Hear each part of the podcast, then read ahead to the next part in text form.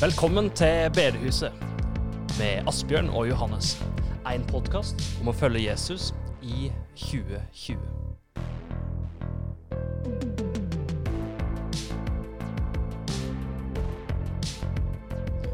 Ja, hjertelig velkommen til eh, Bedehuset, podkasten om å følge Jesus. Eh, og også i dag så er Asbjørn her på Hallo. Hafstad, bedehus. og vi har også med oss Kurt i dag også. Ja, så Eh, hyggelig. veldig fint at du ville være med, Kurt.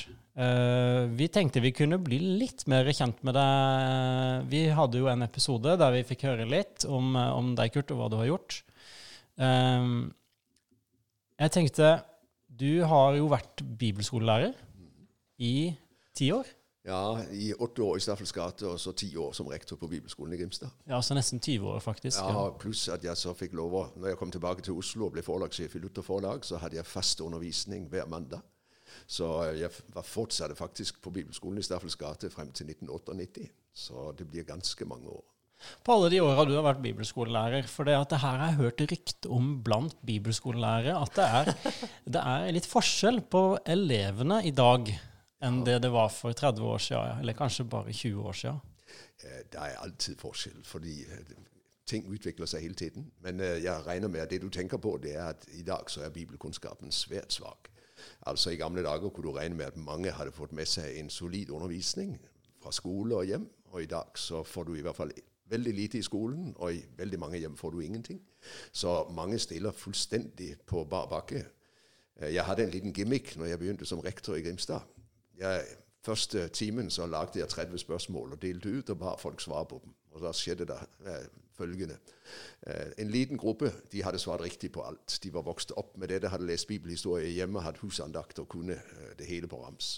Eh, Så var det en stor gruppe som kunne svare på en del av spørsmålene, og en del var de helt på jordet med, men de visste noe. Og så var det en gruppe, en liten gruppe som ikke kunne svare på noe som helst. Og jeg husker en som skrev på slutten, etter å ha ikke eh, kunne svare på noen av de 30 spørsmålene, så skrev han det er derfor jeg kom på bibelskolen for å lære alt dette. Og det var jo smart sagt. Ja, det var, det var flott. Jeg, jeg gikk jo på Akta bibelskole for jeg begynner å bli mange år siden nå, og der gjorde de faktisk akkurat det samme. Eh, hvert år, så i begynnelsen av året, så delte de ut en test, som for eksempel de hadde et kjent bibelvers, og så hvor står dette? Eh, og lignende ting, da. Eh, og de sa det samme der, at eh, eh, poengscoren, da, gikk sånn gradvis nedover. Men de opplevde kanskje også en, eh, en, eh, en økende nysgjerrighet. Eh, og jeg tror også en økende frihet i forhold til stoffet på den måten at mange kom kanskje med en del pikker ute fordi de var vokst opp i et trangt miljø. Eh, der tror jeg i dag at folk på en måte er mye mer fordomsfrie. Eh, de har mange utfordringer, men, men det er en del ting som man har kanskje ikke levet så strengt som man ofte gjorde på bedehuset i gamle dager. Og dermed så har man ikke heller disse negative forutsetninger hvor man har det litt i halsen. Så det kan være en slags bra ting, da. Eh, ingenting uten at det er godt for noe, vet du. Uansett hvor galt det er. Det er sant. Du dere, eh, dagens tema i dag, vi har eh, en tittel, Asbjørn, som vi har eh, og kokt litt på her, som, som vi er veldig fornøyd med, men som, Ja. som kanskje er litt kryptisk også, og det er altså nåde i en lovløs tid. Hva mener vi med det, Asbjørn? Ja, Her, her dukker det jo opp to ord som er vanskelig forstå, forståelige. Det ene er nåde, og det andre er lovløs. Mm. Men nåde, hva mener vi med det? Det er jo et kjempesentralt kristenbegrep. Altså at det er gratis. Det er helt ufortjent. Den gaven vi får fra Gud ja, ved troen på ham. Og dette begrepet lovløs det er også et, et begrep som Bibelen bruker. Og kanskje noe av de som er liksom bibelnerder der ute, de tenker kanskje med en gang på dette her.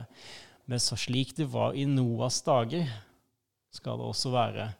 Jo, og så er det jo viktig å tenke lovløs i forhold til hva. For hva er loven i denne sammenheng? Og, Ja. og når du sier lovløs, så tenker du vel på Guds lov. Altså de ti bud og, og det som Bibelen lærer oss om Guds vilje, ikke sant?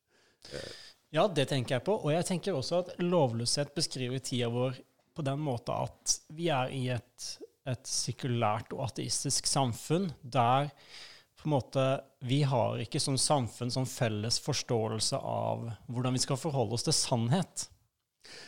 Og Da er det jo veldig interessant å leve i en koronatid og se at når regjeringen sier at dette er loven, så følger alle den nesten. Mm. Det, er, det er ganske imponerende å se hvordan folk på en måte har latt Men det er klart det har noe med angst å gjøre. Man vet at dette er farlig. ikke sant? Mm. Og da plutselig så følger man loven, som man ellers ikke pleier å følge.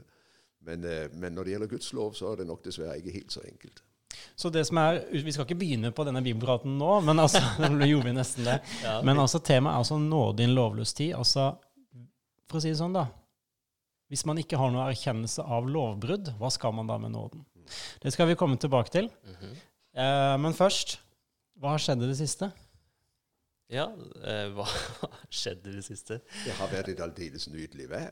Og det har vært skjønt. Jeg tenker ved meg selv at i disse koronatider Tenk så herlig at denne plagen kom på våren og ikke på høsten. I november. Jeg tror at det har gjort at mange er kommet mye bedre igjennom enn om de hadde fått den i oktober-november med hele vinteren foran seg. Det Så mørkt.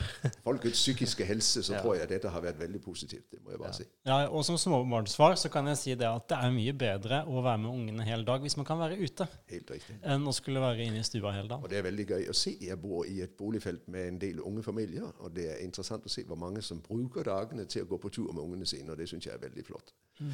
det er vel litt sjokk Nå, s- nå taler jeg som en gammel eh, mann, veldig fordomsfull. Det er vel et sjokk for en familie i dag å skulle være nødt til å være sammen hele dagen, dag etter dag. Uten barnehage og uten skole. Mm. Ja. Jeg kan jo da eh, skyte inn det som jeg tenkte jeg skulle eh, si da.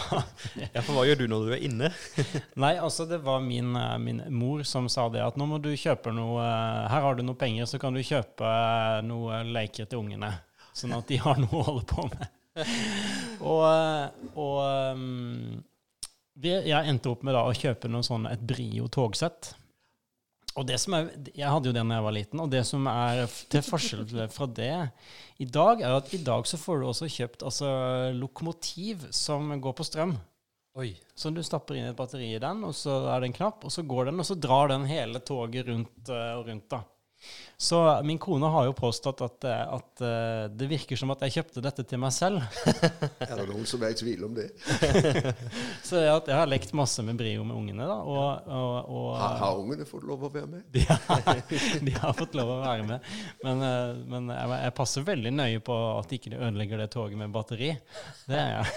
For det må, det må vare lenge. Så det, Siden, siden temaet er liksom lovløs tid, så skal jeg innrømme et lovbrudd som jeg gjorde det den gangen jeg var så liten, at jeg lekte med briotog. Da slo jeg faktisk hull i hodet på broren min med et sånt tog. Ja, jeg, jeg holder det fortsatt, eller? det, det får sjekke. får sjekke neste gang Sats på at det er grodd. Ja. Ja, Vi skal over til tømmer og teologi. Ja, og i dag så har vi et spørsmål som, eh, som et teologispørsmål som eh, vi, vi har egentlig tenkt at vi bruker hele den disponible tiden på det. Og det er et spørsmål som vi kunne hatt en egen episode om. Men altså, hva er et sakrament? Et sakrament. Ja, og det første kanskje vi tenker på, det er jo eh, dåpen og nattværen. Eh, og det som, jeg, som, det som gjør at jeg syns dette er et interessant tema, det er at jeg merker blant mine kristne brødre og søstre ganske sånn ulik måte å forholde seg til dette på. Um, og som jeg har, eh, blitt, uh, har skjønt og lært, at etter opplysningstida så har vi moderne mennesker Vi har på en måte Opplysningstida, hva er det for noe? Altså, det er denne perioden på, på 1800-tallet. 1700. 1700-tallet, ja. Det er bra, Kurt. Bare sjekke om du fulgte med. altså eh, der, der vi har fått et problem med å forholde oss til alt som på ikke kan måles og veies. Eller sånn i samfunnet vårt i dag, så er på en måte alt som ikke kan måles og veies og observeres, det er på en måte litt sånn annenrangs. Og en, en kan møte denne holdninga at de på en måte skikkelige vitenskapelige studiene på universitetet, det er på en måte matte og fysikk og de tinga som på en måte der det handler om de konkrete ting. Eh, og de her eh, samfunnsvitenskapelige fagene, Sånn som jeg holder på med. sånn som man holder på med, sånn religionsvitenskap og Sosiologi. sosiologi. Det er sånn tullefag ikke sant, som ikke handler om de sånn Er det, er det ikke det, da? ja, ikke sant? Ja, Problemet er bare at teologien blir tre trekt sammen i samme suppa, på en måte. Ja. Eh, poenget mitt er altså at de, de tingene som ikke kan måles og veies, det er på en måte ikke, står ikke så høyt i samfunnet. Hva har dette med sakrament å gjøre? Jo, fordi at det vi observerer i nattværen, det er jo at vi får brød og får vin, og så spiser vi det. Og så måte ser vi ser ikke noe mer. Vi kan, vi kan ikke observere noe mer. Men det vi tror, i hvert fall som lutherske kristne, er at det skjer noe som vi ikke kan se i nattværen. Og det skjer noe som vi ikke kan se i dåpen. Eh, og så er det jo også flere sakramenter. Og hvis man er katolikk, så har man jo syv sakramenter. Um, og jeg hadde en, en, en samtale med en, en kompis om dåp, og der han har eh, Han har i hvert fall beveget seg mot en, en voksendåpssyn. Eh, og nå er ikke poenget mitt å ta av dåpssyn i det hele tatt, men i samtalen eh, så utbrøt han på et tidspunkt Men det er jo ikke noe magi i dåpen. Altså det han egentlig sier, at ja, men det skjer jo ikke noe i dåpen som vi ikke kan se. Og så bare tenkte jeg, er det ikke akkurat det jeg tror, da? At det skjer noe. Men kanskje ikke magisk? Nei, magisk er et dårlig begrep uh, i, i denne sammenheng. Det er det. Men Nei, altså men vi, vi tror jo at Gud handler i dåpen. Ja. Ja, vi tror Gud handler, og det er jo veldig interessant. Uh, altså Når du sånn rent teologisk skal eh, eh, bestemme hva et sakrament er, så taler man om et sakrament som en hellig handling som er innstiftet av Jesus, og som gir hva den fremstiller. I dåpen, sånn som den opprinnelig ble praktisert hos oss, så har vi overøsningsdåp fordi det på reformasjonstiden var dødelig for små unger på to-tre dager å komme i iskalde kirker og iskaldt vann, så døde de av lungebetennelse. og Derfor gikk man over til en, en uh, bestenkningsdåp, som jeg tror er fullt gyldig, ikke misforstå det. Men, men opprinnelig så er jo formen en full neddykkelse. ikke sant? Altså man dør med Kristus, og man står opp med Kristus. Og i nadveren man spiser. Man, Jesus sier 'jeg er livets brød', og, og i brødet kommer han til oss, i vinen kommer han til oss. ikke sant? Mitt lege med mitt blod. Og det her henger jo sammen med altså ordet symbol, som jeg opplever i våre dager har mistet veldig sin opprinnelige betydning. Uh, litt sånn uh, gresk geeking her nå. At Ja, hva betyr egentlig symbol? symbol altså betyr også kaste sammen. Symbolos. Altså Ja. bollos kaste, sym Sammen. Ja. sammen. Ja, stemmer det. Så det at Det var godeste Peter Haldorf som forklarte det her for meg. Altså at symbol, det handler egentlig altså at et, Eller symbol er det som synliggjør det som skjer i det usynlige. Man taler om sakramentet som et synlig tegn på den usynlige Nettopp. nåde. Nettopp. Så derfor, når man sier ja, men nattverden er bare symbol, eller dåpen er bare symbol Det er ikke noe bare det at det er et symbol, for det at det det nettopp gjør, er å syn, gjøre det synlig for øynene våre, det som vi tror faktisk skjer i det Men usynlige. vet, problemet der er jo at ordet symbol i dag brukes om det som bare tilsynelatende ikke sant? Det er Ikke sant? et tegn Ja. på. Mens når du taler om symbol i den sammenheng, så tenker du at dette gir virkelig hva det sier. Det er ikke bare et symbol, men, men det er en realitet. Jeg Ja. får, jeg får faktisk Ja. det Ja. ordene sier. ikke sant? Det er Jesu lek, men det er Jesu blod. Og jeg kjenner Guds nåde i munnen, altså. Jeg kan faktisk merke den og føle den. Eh, men jeg husker veldig godt, mens jeg var prest, en eldre kar som jeg hadde veldig god kontakt med. og Han ville sikkert gjerne være hyggelig overfor presten. Kona hans bekjente troen. Eh, og en søndag så dukket han opp i kirken, og så gikk han med til nadver. Og så gjorde han det noen søndager, og jeg tenkte så flott. Men så holdt han opp. Og så kom jeg eh, til å snakke med ham og sa nei, men det der var jo ikke noe, sa han. Jeg opplevde ikke noe spesielt. Mm. Og for ham var det altså Der må det jo være en opplevelse knyttet til dette når han gikk frem på den måten. Og han var litt skuffet, og derfor holdt han opp, for, for det ga ham ingenting. Han hadde ikke peiling på hva det dreide seg om. Mm. Og jeg nådde ikke inn til ham med det heller, slik han på en måte grep det. Men, men eh, du kan si forutsetningen for sakramentet det er jo på en måte at jeg vet noe om hva er det nå som skjer. At det er Jesus jeg møter. ikke sant? Altså, vi har jo dette ordet nådemiddel. Vi tror at sakramentet er et altså en, Jeg ser for meg liksom en sånn der eh, vannkanal. Ja.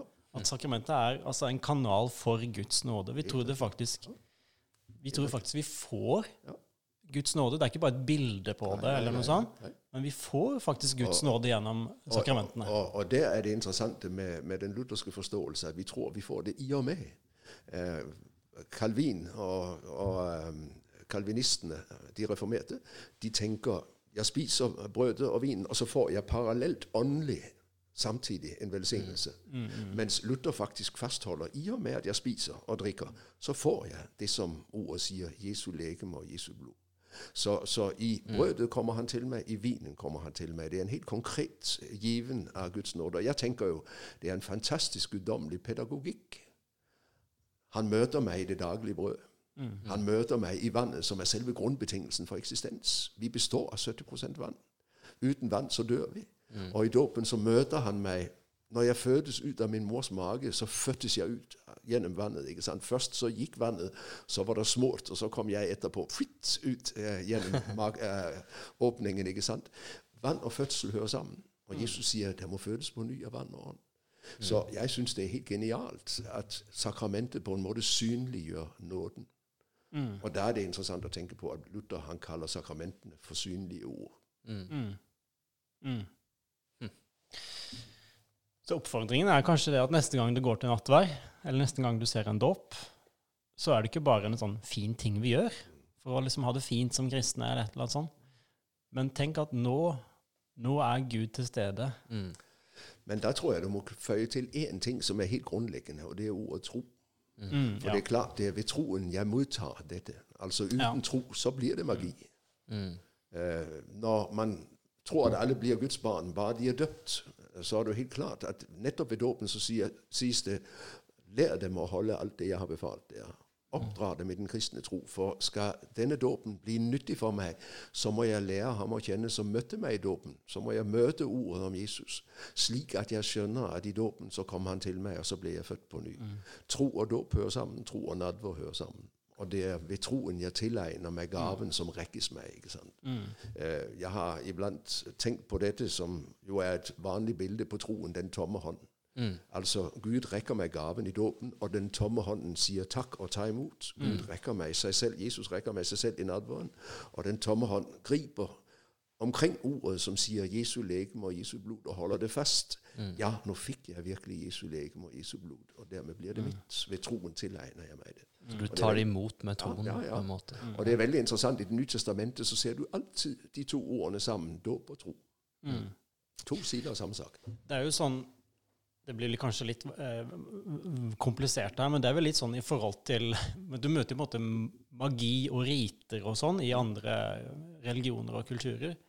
Men det er jo på en måte Det er jo han som virker igjennom vi tror på, ikke selve ritet, på en måte. Helt riktig. Og Derfor er dåp nettopp ikke magi. Det er ikke noe som skjer bare i kraft av at man utfører det. Men, men det er Guds ord som sammen med vannet, sier Luther, gjør at dette blir dåp. For Guds ord gjør dette vann til et levende vann som virkelig har gjenfødelseskraft. Og Derfor er ordet helt grunnleggende både i dåpen og nadveren. Det er ikke nadver før innstiftelsesordene har lytt. Det er ikke dåp uten at Guds ord leses. Da blir det bare vann. Da blir det bare brød og vin. Og da er det ingen nåde i det. Nåden kommer nettopp i og med ordet, ikke sant? og til tro. Ja. Det er troen som tilegner seg og griper dette. Altså Det hjelper ikke at det står fullt med mat foran deg på bordet. Så lenge du ikke spiser den, så får du ikke gagn av den. Men i det øyeblikk du begynner å spise den, så kommer den deg til nytte. Ja. For da gir den deg krefter og fornyelse. ikke sant? Så tro er nøkkel, nøkkelordet. Det er et nøkkelord sammen med sakramentet. Altså Sakramentet er en hellig handling som nettopp er siktet mot troen, og troen griper og tar det. En hellig handling. Jeg hørte, eh, bare som parentes, det er jo litt sånn eh, artig parentes, tror jeg. Det var noen som, som eh, dro den derre eh, hellig handling så langt at eh, det å tenne et lys var en hellig handling. Nei, øh, du vet sakramentene som er innstiftet. Jesus innstifter to sakramenter. Ja. Og det er jo ut fra en definisjon av at sakrament både er et synlig tegn og et ord. ikke sant? Han sier 'døp dem', og så har han vist dem. Mm. Uh, jeg har sagt, De har jo sett det i Johannesdåpen, og det er jo veldig interessant på pinsedag, når, når folk kommer til Peter etter hans pinsepreken og spør hva skal vi gjøre, så sier Peter til dem 'omvend dere og la dere døpe'. Altså Han har skjønt hva Jesus har sagt, og så blir de døpt. ikke sant? Ja. Og tilsvarende eh, når Paulus skriver, Det er jo han som skriver først om nadveren. Det er jo interessant. Det er ikke evangeliene. Paulus skriver før evangeliene. I 1. Korinterbrev eh, 11 om nadveren. I den natt da han ble forrådt, tok han et brød. Og så taler han om hvordan de skal feire nadver i menigheten i Korint. Ja, i det kapittel 10. Eh, og, og, det er veldig spennende at nadveren er altså også forstått. Denne innstiftelse var ikke en engangssak, men gjør dette til minne om meg. Og så gjør de det. Mm. Og så kommer han til dem nettopp i nadveren. ikke sant? Mm. Interessant. Det er skrevet altså i brevene til Paulus, som er skrevet før evangeliene. Og det er mm. et godt poeng. Vi skal gå litt videre, vi. Ja, det skal vi gjøre. Det var Her har vi egentlig mye å snakke om, kjenner jeg. Ja, det er helt sant. Ja. Vi skal fram til det som er dagens bibelprat. Mm. Og Det er jo evangeliet i vår tid. Og hva vil det si? Vi lever i en, det vi kalte for en lovløs tid. Mm. Alt er lov. Det som er rett for meg, er rett for meg, og det som er rett for du, er rett for du. Ja, ja, det handler både om at folk ikke har noe De, har, de, de ser ikke på, på måte, lo, Guds lov, som vi møter i Bibelen. De ser ikke på det som noe autoritet i livet sitt i det hele tatt. Og dette som vi var inne på i stad, den, den, den, sekulære holdningen til sannhet. Mm. Eh, der, der det subjektive, altså det som er rett for deg, er rett for deg. Og, ja. Sånn, fra et sånn sosiologisk perspektiv da, så har vi vil mange sosiologer si at vi har beveget seg fra autoritet til mer sånn autentisitet. Og det betyr at, det, at en er veldig opptatt av hva som er ekte. Å, han lever et godt liv, liksom. Sånn vil det være. Så der har vi bevegelsen. Men da er det veldig interessant å tenke på at når Paulus kommer til Korint og begynner å forkynne evangeliet, ja, så går han for det første inn i synagogen, for der møter han noen som kjenner Guds lov. Så der er da en resonansbånd for budskapet. Mm. Men når han beveger seg utenfor synagogen, så møter han en virkelighet som på mange måter ligner vår. Ja. Eh, mm. man har andre religioner osv., men man lever lovløst. Man mm. talte i datiden om å leve på korintisk, og det betydde man levde akkurat som man selv ville. og man brydde seg katta om hva bud og regler sa. Eh, jeg gjorde det som passet meg. Mm. Og det er det moderne samfunn langt på vei. Men hva gjør Paulus? Han forkynner Kristus korsfestet. Han forkynner evangeliet i denne setting. Og noen hører og er med til å legge grunnen for at det blir en menighet hvor flere kan høre. Men, men, han lar seg ikke stanse av at han er kalt til å forkynne evangeliet i en lovløs tid, akkurat som oss. Mm. Og det syns jeg er veldig interessant. At Nytestamentet blir på mange måter til i en tid, i et Romerrike, som mm har mange paralleller til den tiden vi lever i. Mm. Så det du sier, er at vi egentlig har, kan ha ganske mye å lære av Paulus sin måte å, å forkynne på i dag? Ja, jeg tror det. Og, og, det er veldig interessant. Når han kommer til Korint, så skriver han i 1. Korinterbrev 2 at han gjorde opp med seg selv på forhånd. Mm. Han var fristet til nå å legge dette til rette for å gjøre det spiselig. Men, sier han, jeg bestemte meg for at jeg ville forkynne Kristus korsfestet. Jeg ville vedkjenne meg evangeliets anstøt. Og han visste at det budskap han nå skulle preke, det ville støte an. For han ville måtte si til folk det er fortapt uten Jesus. Mm. Og Jesus er deres eneste mulighet. Og mange de ristet på hodet og sa plingelingelingeling, stakkars, det har rapplet for ham, han er gæren. Ikke sant? Les om hans uh, tale på Areopagos i apostelgjerningene 17, når han står i Aten blant alle de filosofene som er der. Uh, de rister på hodet og sier 'stakkars mannen'. Mm. Fins det ikke et asyl han kan legges inn på? mm. Vi sitter her nå i et bedehus. Og sånn eh, enkelt, for, enkelt uh, skissert så vil jeg si at på bedehuset så er Når vi forkynner evangeliet, så har vi sånn Vi kommer ikke utenom å si uh, evangeliet er tilgivelse for syndene dine. Det er evangeliet. Uh, og så kan vi stille spørsmålet Ja, men ja, det er, jo, det er jo sant at evangeliet er det. Men sånn som en annen sa til meg, at ja, evangeliet er det, men det er også mer. Ja. Og første gang jeg hørte det, så tenkte jeg det var det hørtes ut som vranglære, tenkte jeg med en gang når han sa det. Men altså, det var, så var det eh, en, en, engelsk teolog som heter N.T. Wright. Han, han, har satt seg mye inn i dette med Altså, hva var det når, hva var det Jesus forkynte? Altså Når Jesus forkynte evangeliet, så forkynte han jo budskapet om riket. Um, og Um, og her tror jeg vi har noe, virkelig noe å ta til oss i Bedehus-Norge i dag, når vi skal prøve å forkynne evangeliet til, til vår tid. Uh, nettopp dette med å forkynne evangeliet om riket. Ja, det innebærer tilgivelse for syndene. Men jeg har lyst til å stille deg spørsmålet, Kurt. Når Jesus forkynte evangeliet, for hva forkynte han da? Ja, Han forkynte også tilgivelse for syndene. Vi har denne beretningen om han som ble båret til Jesus av fire kamerater og senket ned for Jesu føtter gjennom taket. Det må ha vært forferdelig mye støv i øynene på de stakkarene som sto under. Men, men, når han ble senket ned, så sier Jesus til ham, 'Sønnen, dine synder forlates deg'. Mm. Og det var helt tydelig. Han må jo formentlig ha vært i en situasjon hvor han hadde behov for akkurat det ordet. Men, men, ellers så er det helt riktig. Eh, Jesus går ikke rundt og tilsier syndsforlatelse i sin alminnelighet først og fremst. Han helbreder, han gjør tegn og under, og så taler han om det Guds rike som han bringer. Eh, vi hadde i Danmark på slutten av 1800- begynnelsen av 1900-tallet en eh, prest som ble tidens modeprest, og som grunnla i veldig stor grad ungdomsbevegelsen, den kristne ungdomsbevegelsen i Danmark. Han het Alfred Ricard. Han hadde franske aner. Og Han forteller hvordan han på sin eh, første time som konfirmant hos en prest i København møter en skildring av Jesus som betar ham slik at han siden er fanget inn. altså. Han glemmer det aldri. Det blir livsbestemmende for ham. Den konfirmanttimen, da ser han Jesus i, i hans herlighet slik at det betar ham. Han har ingen syndserkjennelse. Han er ikke opptatt av syndsforlatelse overhodet. Men han møter en Jesus som fascinerer ham, og som gjør at han altså siden blir en av sin tids største forkynnere og kristne ledere. Når jeg tenker tilbake på meg selv Det som ble min store åndelige gjennombruddsopplevelse, det var ikke først og fremst en sterk opplevelse av dette med at min synd var tilgitt. Men jeg møtte en Jesus som på en måte ga meg en retning, og som rakte meg en frihet i, i, dette at jeg skulle få lov å høre ham til. Eh, hvor dette med synden det, det dukket opp etter hvert. Og så fikk jeg bruk for syndenes forlatelse. Men jeg tror ikke det var det første. Det var på en måte mer, noe med å se Jesu herlighet.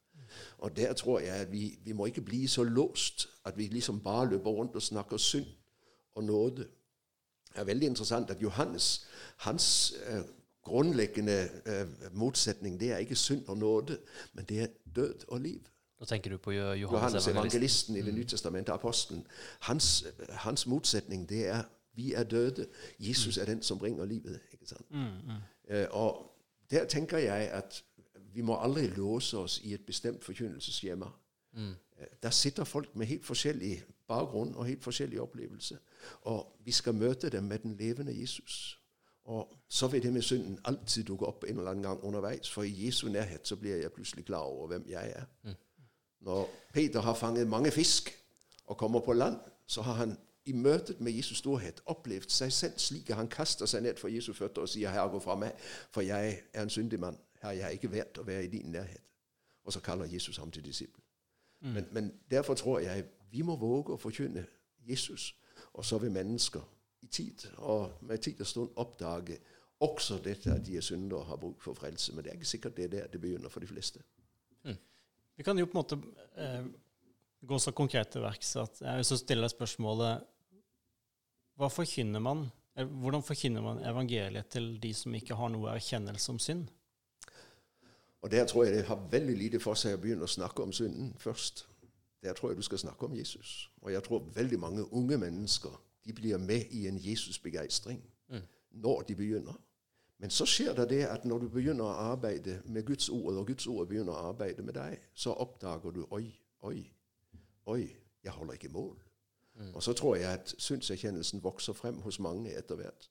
Mm. Men jeg tror veldig mange, hvis de skal være ærlige om sitt første møte med Jesus Det som betok dem, eh, det var ikke en sterk overbevisning om synd som gjorde at de fikk bruk for nåden, men de så noe av Jesu herlighet og tenkte ham vil jeg være sammen med.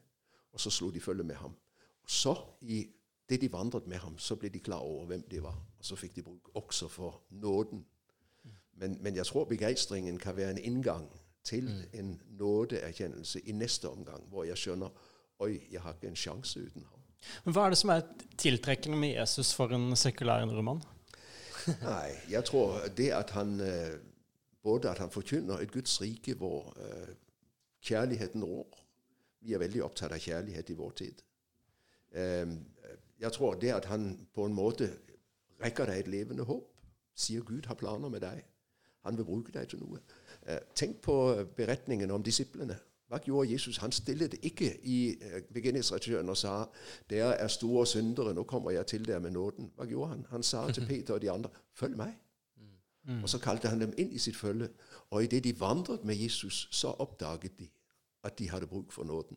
Mm. Eh, Peter fremfor alt etter skjærtorsdagsnatten, når han hadde fornektet Jesus. Wow! Da plutselig skjønte han hvem er jeg? Jeg sto i går og lovte om alle de andre, så skal ikke jeg svikte deg. Og så har jeg sviktet på det groveste. Han fikk seg en selvopplevelse som var knusende, og hvor han fikk desperat behov for tilgivelse. Men det var ikke der det begynte. Det begynte et annet sted ved Genesaretsjøen, der han ble med. Og så fikk han lov å stille sine spørsmål, og så ble han kjent med Jesus, og så vokste erkjennelsen frem etter hvert. Vi, vi, lever jo i en tid som der på en måte det å være selvopptatt og det å, å drive med selvrealisering er egentlig blitt noe veldig positivt. Og så prøver vi å kommunisere evangeliet inn i en sånn kultur. Og det som jeg i hvert fall observerer, som, som jeg tror eh, en, mange forkynnere kanskje ubevisst har en tendens til å gjøre, det er jo at, at vi prøver å forkynne evangeliet ved å appellere til nettopp selvopptattheten. Ved at hun sier at tro på det her, og det skal gjøre livet ditt fantastisk, eller det skal, det skal gjøre at du blomstrer og blir eh, Så du òg kan bli kjendis, holdt jeg på å si, ikke sant? Eh. Og det blir helt feil. Jeg er helt enig med deg i det. At det blir, det blir feil. Men samtidig så tror jeg det ligger noe i dette.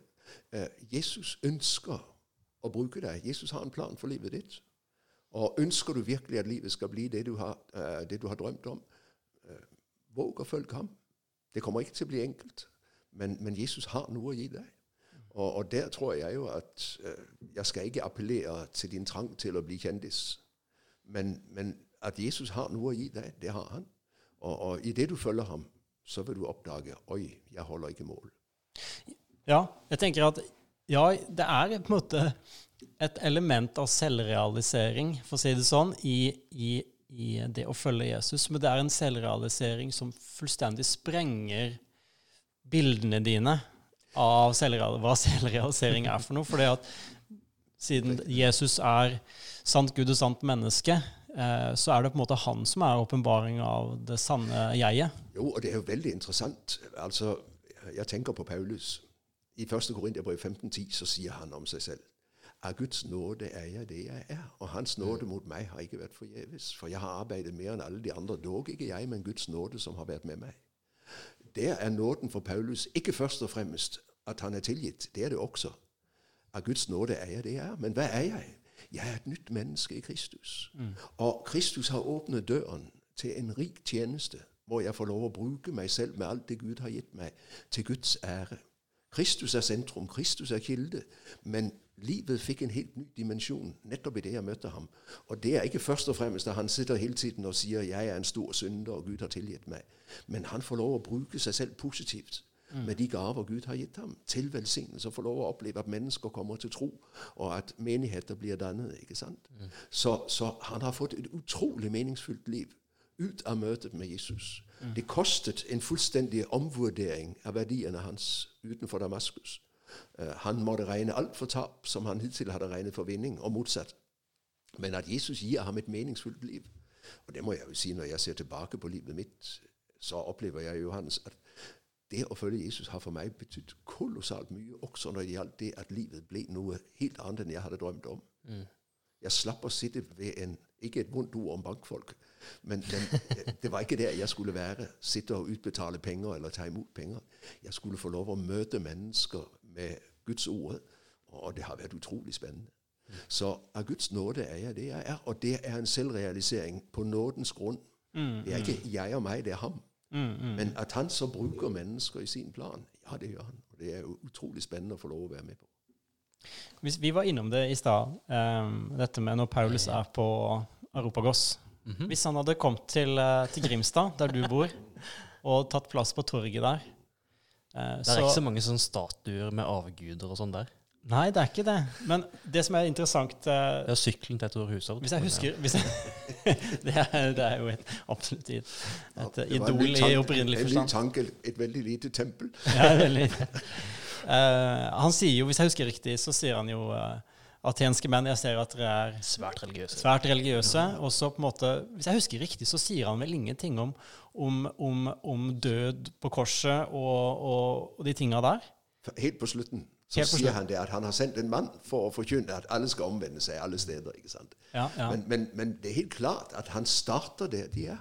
I Ja, deres virkelighet, med deres templer og deres mange avgudsbilder. ikke sant? Mm. Og jeg, jeg ser det er veldig ivrige eh, for, for, for, for religiøsiteten. Og nå forkynner jeg det. Ja. Så hvis Paulus hadde kommet til Grimstad, sa han så, så nå begynner jeg da, Kurt, så får du fullføre. Kjære Grimstad-folk. Ja. Ja, ja. Eh, Jeg ser dere er veldig opptatt av sykler og, og dyktige syklister. Og mennesker som virkelig gjør det bra på sykkelbanen. Jeg har noe å forkynne dere som er mye større, og som har helt andre dimensjoner.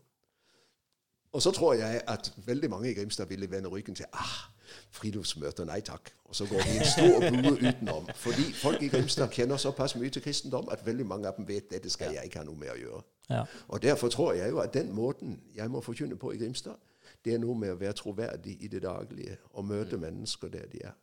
Men, men fordi vi har en jeg har sagt, alle sammen har en slags bakgrunn i forhold til kristendom, så er det mye vanskeligere å stille seg opp på toget og regne med at du der kan få interesse. Du må begynne andre steder. Vi har vært inne på det, litt, litt, sånn temabytte på en måte, men du, som jeg har forstått deg nå, så, så handler det altså om å, å vise til evangeliet Jesus forkynte, som òg handler om Guds rike. Og det er det som liksom i første omgang du tenker tiltrekker folk. Og så kommer synserkjennelsen etter hvert. Men vi kommer vel til et punkt der en liksom må holde fast med hva som er sant. Helt klart.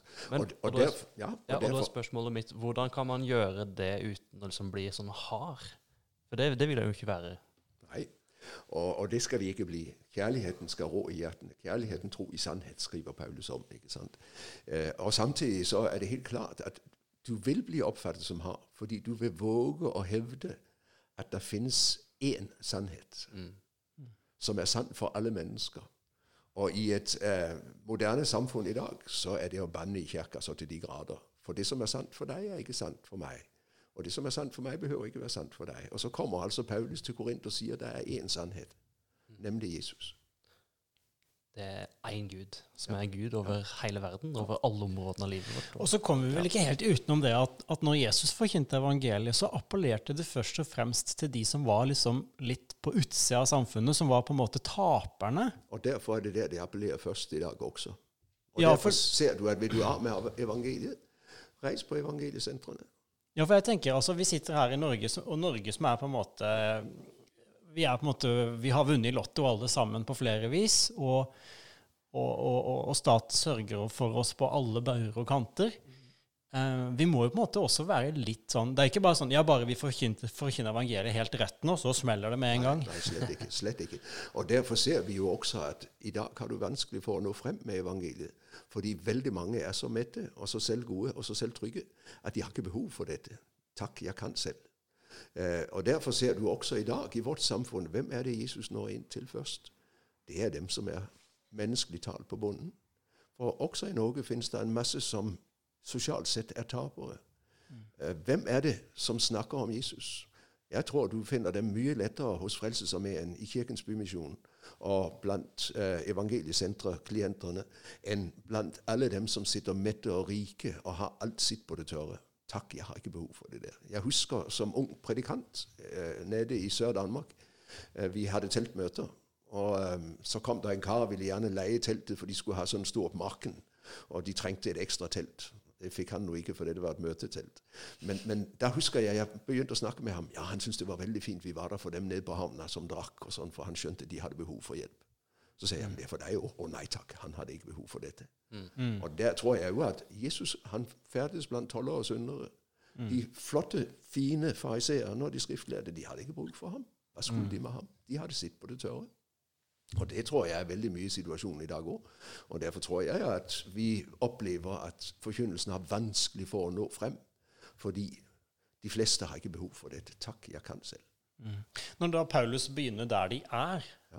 Så tenker jeg kanskje eh, Hva hører du, Asbjørn, eh, tenker om det? Altså at noe av det vi, der vi må begynne i dag, er jo å kanskje å påpeke egentlig den nitriste håpløsheten som ligger i ateismen.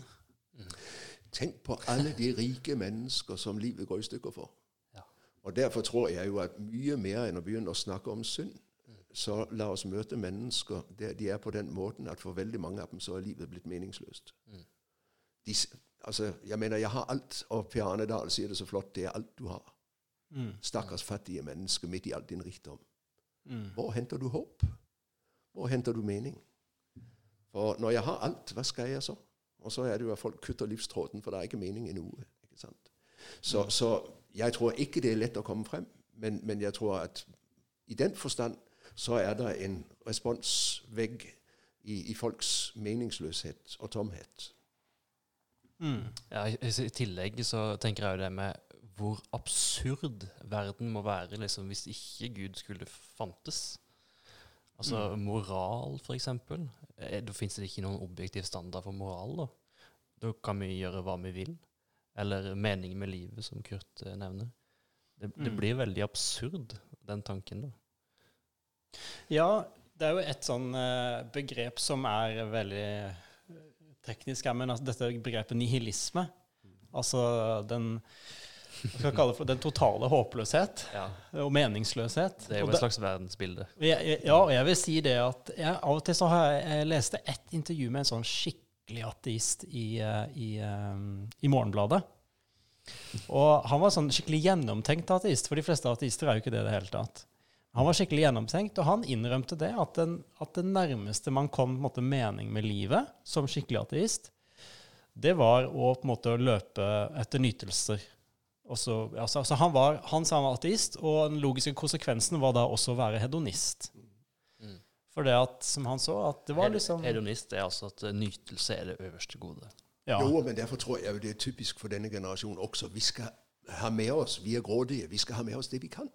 Den kona er blitt for gammel, jeg får skifte henne ut. Den mann er for lite spennende, jeg må finne en annen.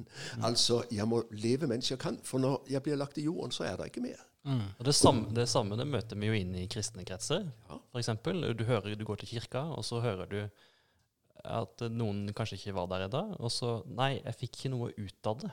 Riktig.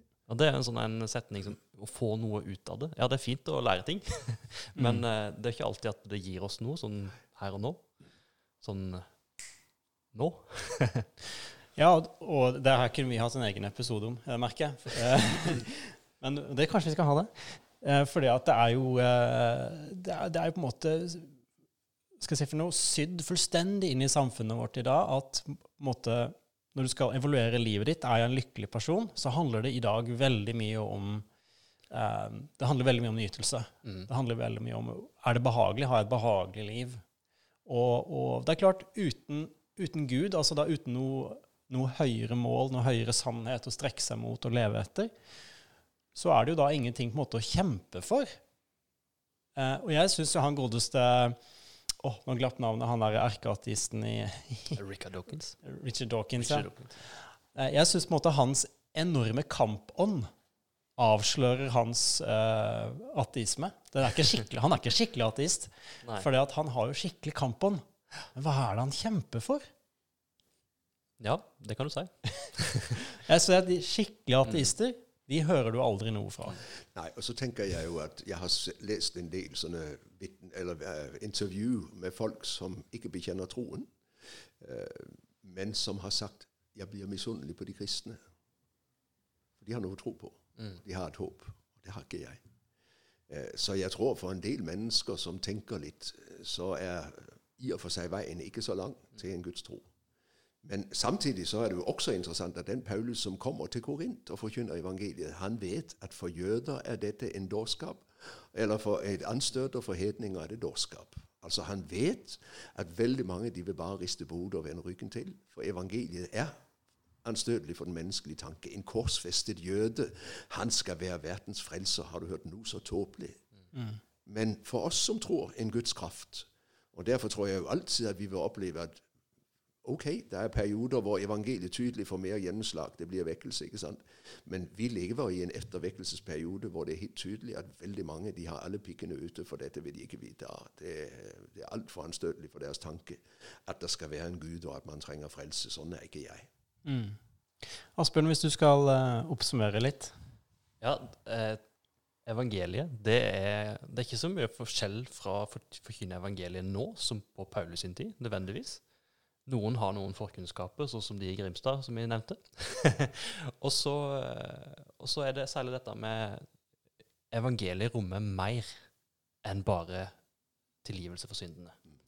Mm. Kan ikke det være en god eh, Åssen kan vi ta dette med konkret i dagliglivet? Helt kort. Jeg tror så vi må gjøre sånn som Paulus. Gå rundt i Aten og kikke. Altså, eh, bruk gjerne ordet lytte, da. Jeg tror som, på en måte, som eh, misjonærer i Norge så må vi bruke mye av tiden vår på å observere og se og lytte, nettopp for å kunne gjøre sånn som Paulus, ta utgangspunkt i der de er. Mhm. Og Det er kanskje enda vanskeligere for oss enn det er for Paulus. Som, Paulus kommer jo på en måte fra utenfra og inn, og legger da lettere merke til Han observerer ting, da. Mm. Lettere. Um, så det, jeg tror det er en veldig viktig disiplin for, for kristne i dag å, å, å, reflektere over tida vi er i, eh, og se hvor er Hva tenker naboen min, for å si det sånn, da? Hva tenker han om sannhet? Hva tenker han om mening med livet? Hva tenker han om håp? Hva tenker han om osv. Og så tror jeg det er veldig viktig å våge å være trofast og regne med at det er ikke så enkle veier inn. Men er du tro der du er satt, så plutselig får du en åpen dør. Så bruk den. Mm. Det får bli siste ordet. Vi ber en bønn. Gode far, vi takker deg for at evangeliet er gode nyheter for alle mennesker. Nå ber vi om at du eh, gjør oss frimodige, sånn at vi kan dele det med naboen vår.